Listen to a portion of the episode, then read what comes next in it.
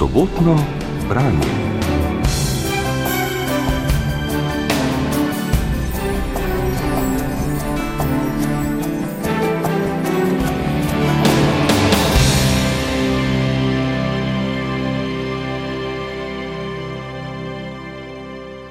Virginia Woolf velja za največjo britansko pisateljico 20. stoletja. Kljub temu je bila njena knjiga z naslovom Lastna soba v slovenski jezik prevedena šele leta 1998. Zdaj pa je pred nami dolgo pričakovani ponatis, ki je išel pri založbi CF in nova spremna beseda publicistke magistrice Teje Hvala, ki bo avtorici in njenem delu spregovorila v tokratni oddaji Sobotno branje. Magistrica Teja, hvala. Za začetek vas prosim za nekaj biografskih podatkov, morda kakšna pomembna podrobnost o pisateljici Virginiji Woolf. Pozdravljeni. Um, najprej je seveda letnica rojstva, zato da jo lahko časovno umestimo. Rodila se je januarja leta 1882 in umrla marca 1941. Um, najbolj znano, morda, da je tako podatek o njej, je ta, da je pripadala zelo vplivnemu angliškemu umetniškemu krogu, tako imenovanih Bloomsburyjevcev v Londonu, uh, ki je nekako veljal za precej privilegirano snobovsko druščino, ki se ni ukvarjala z vsakodnevno uh, politiko in težavami, bomo rekli, navadnih ljudi. In ta sloves se je oprijel tudi Virginia Woolf, vendar do neke mere neupravičeno, ker je bila dolga desetletja povezana s številnimi družbenimi gibanjimi, tako delovskim kot feminističnim, pa tudi protiimperialnim. Um, mogoče še to, da, da uh, je spadala ta krok ljudi, je bil zelo vpliven na literarnem področju, predvsem uh, zasedeni prijatelji, sorodniki so zasedali ključne položaje na področju novinarstva, tudi sama je pisala za najbolj ugledne časopise, predvsem literarne kritike. Um, ampak kljub temu je treba vzeti obzir čas, v katerem je ustvarjala in je z tega vidika seveda bil njen vpliv uh, omejen, pač umeščen v neko patriarhalno družbo. Pred nami je avtoričin najznamenitejši esej o ženskah in leposlovju, naslovljen kot rečeno Lastna soba. E, magistrica Teja, hvala za kakšno besedilo pravzaprav gre.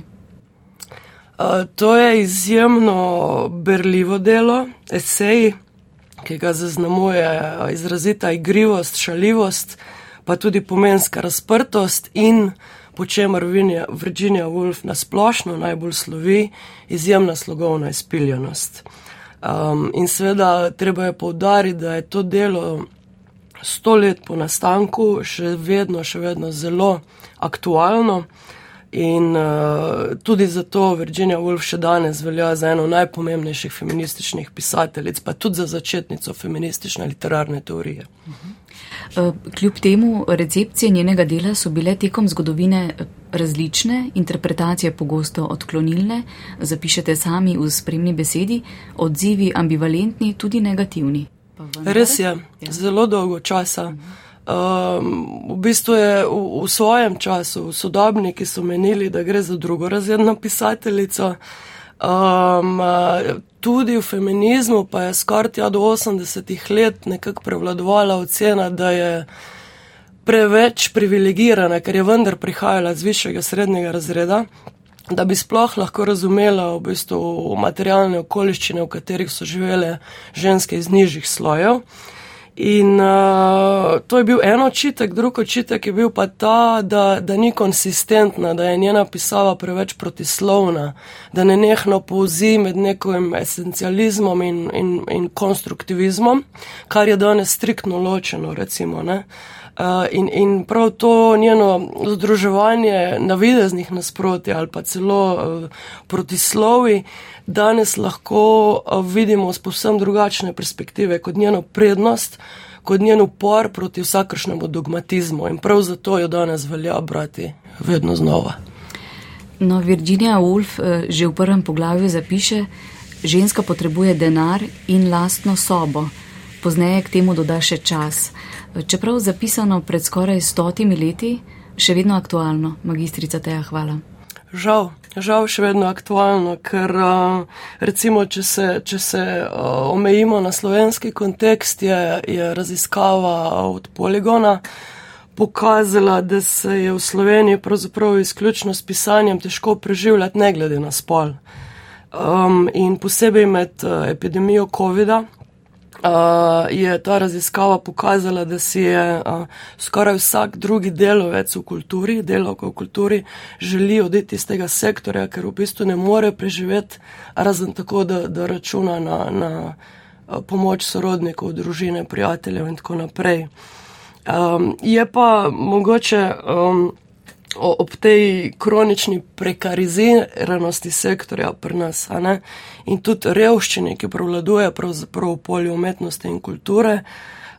Prednost uh, uh, literarnih ustvarjalk ta, da uh, marksistično rečeno ne potrebujejo uh, zelo zajetnih produkcijskih sredstev, se pravi dovolj je, da imaš pisalo in papir. Uh, In tudi iz tega razloga, eh, kar je že v bistvu Virginia Woolf ugotavljala v svojem času, da so zato ženske najprej prodrle prav na področju pisanja, publicistike.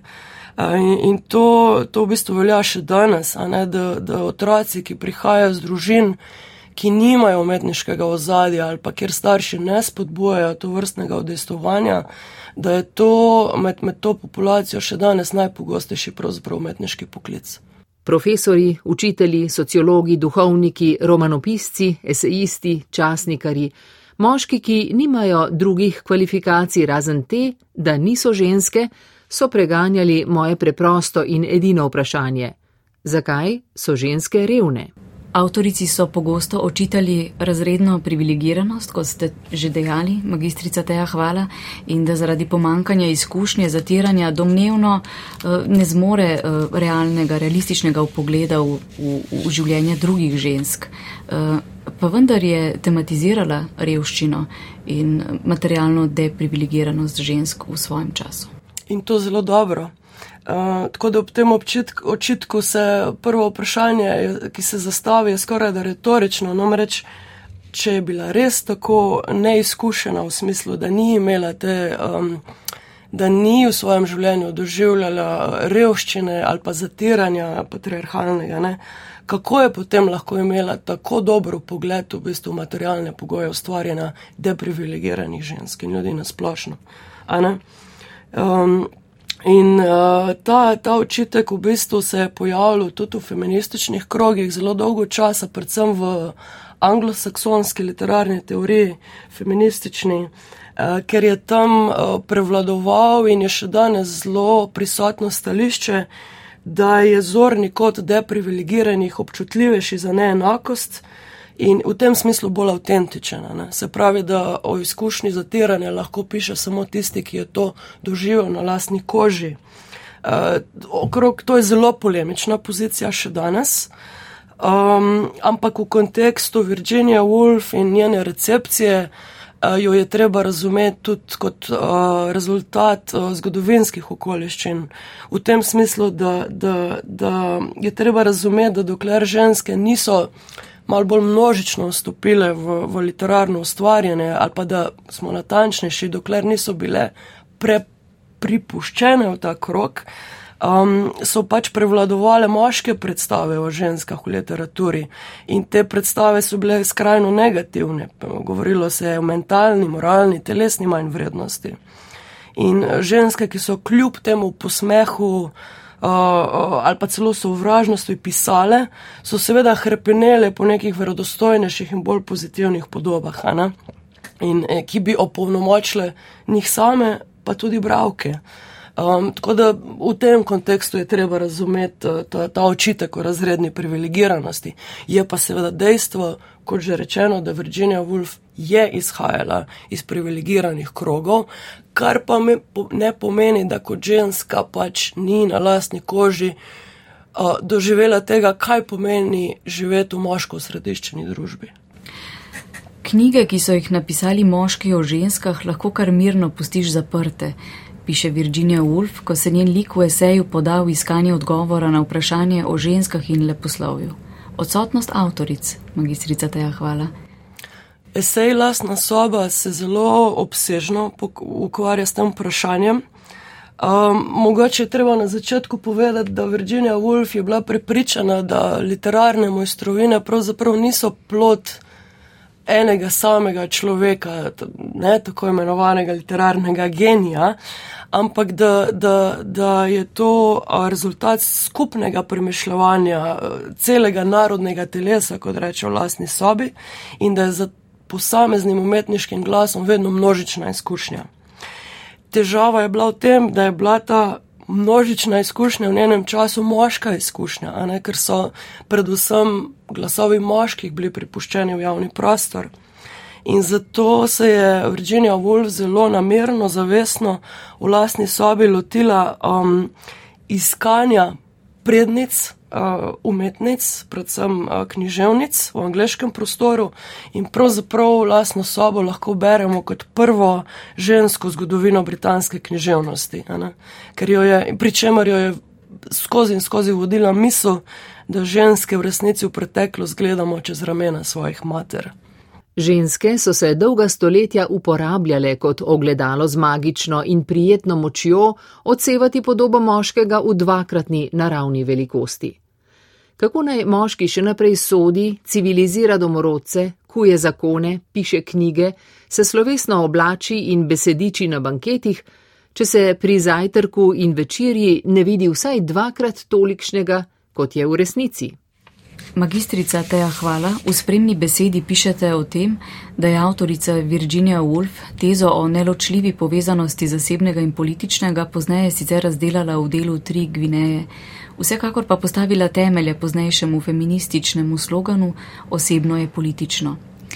Sama pa se avtorica glede feminizma ni nikoli opredelila, tudi politično se ni udejstvovala, niti ni pisala o politiki. Zakaj? Tukaj vas moram malo popraviti. Virginia Woolf se je opredelila do feminizma, ni pa sebe opredeljevala kot feministko. Um, in že, kot ste omenili v eseju Tri Gvineje, je odklonila predvsem besedo feminizem, ker se je v njenem času interpretirala kot uh, vojna med spoloma, tako rekoč. Se pravi, pristajala je na to togo delitev na dva svetova, ženskega in moškega. In to je bilo za njo nedopustno, ker je izhajala z prepričanja, da smo moški in ženske pač na tem planetu neločljivo povezani in da emancipacija žensk že zato ni možna brez emancipacije moških, kar se mi zdi, da je zelo aktualna teza še vedno. Uh, tako da ona je v bistvu zavrla določen način razmišljanja o poteh do enakosti spolov, ne pa same enakosti oziroma ne feminizma. Um, in tudi to, da se politično ni udejstvovala, ni čisto res, ker je bila, um, kot že rečeno, zelo povezana z vrsto družbeno angažiranih gibanj. Recimo, uh, že kot zelo mlada je poučevala zgodovino na Morljevem spominskem koledžu za delavke in delavce. To je bila prva britanska izobraževalna ustanova, v katero so se lahko ženske upisale pod enakimi pogoji kot moški. Sodelovala je tudi v sufražetskem gibanju za splošno volilno pravico in bila je tudi skoraj 30 letja povezana z žensko zadrugo Women's Cooperative Guild. Je pa treba dodati, da je v teh dejavnostih, kjer je bila aktivna predvsem publicistka, se pravi, kjer je svoj javni vpliv uporabila za to, da je glas teh gibanj bil bolj slišan v širši javnosti, zagovarjala skupaj z možem tudi antiimperializem, participativno demokracijo in pa že omenjeno zadružništvo. In skupaj sta vodila tudi založbo Hogarth Press, kjer je poleg njunih leposlovnih del, številnih drugih, formalno predvsej eksperimentalnih del za tisti čas literarnih, so išle tudi številne politične razprave zdaj, kar pa zadeva njeno pisanje o politiki, je pa tako odvisno, kaj razumemo pod pojmom politika. Uh, Virginia Woolf je odločno zavračala ukvarjanje z politiko v ožjem institucionalnem smislu, zato ker je bila prepričana, da, da, da stranke, strankarska politika pač ne glede na svoj predznak, ne, ne glede na prepričanja, ki jih zagovarja, uh, če kar citiram, uh, sodeluje v sistemu, ki uničuje človeška življenja, resnico in vizijo pa zakoplje pod goro laži, krutosti in gospodovalnosti. Tudi tukaj se najdejo usporednice z današnjim časom. Um, drugi razlog, zakaj je bila uh, odločena, da se ne bo ukvarjala z institucionalno politiko, je bil pa ta, da so bile ženske v njenem času seveda iz nje popolnoma izključene. Virginia Woolf, tako sami pišete, magistrica Teja Hvala je v lastni sobi presodila, uh, presenetljivo, da je ekonomska neodvisnost žensk pomembnejša od leta 1928 eh, izborjene splošne volilne pravice. Res je, res je, to, to lahko preseneča.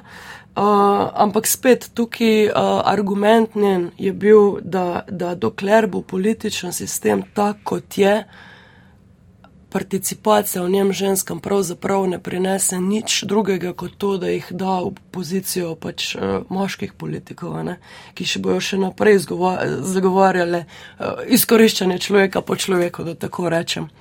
Um, in seveda uh, drugi argument njen je bil, kaj ti pomaga volilna pravica, če nimaš pravzaprav izobrazbe in izobrazba pomeni spet materialnih pogojev za to, da se izobražiš, da se lahko informirano odločaš o, o politikah, ki so lahko koristne za ljudi ali pa škodljive.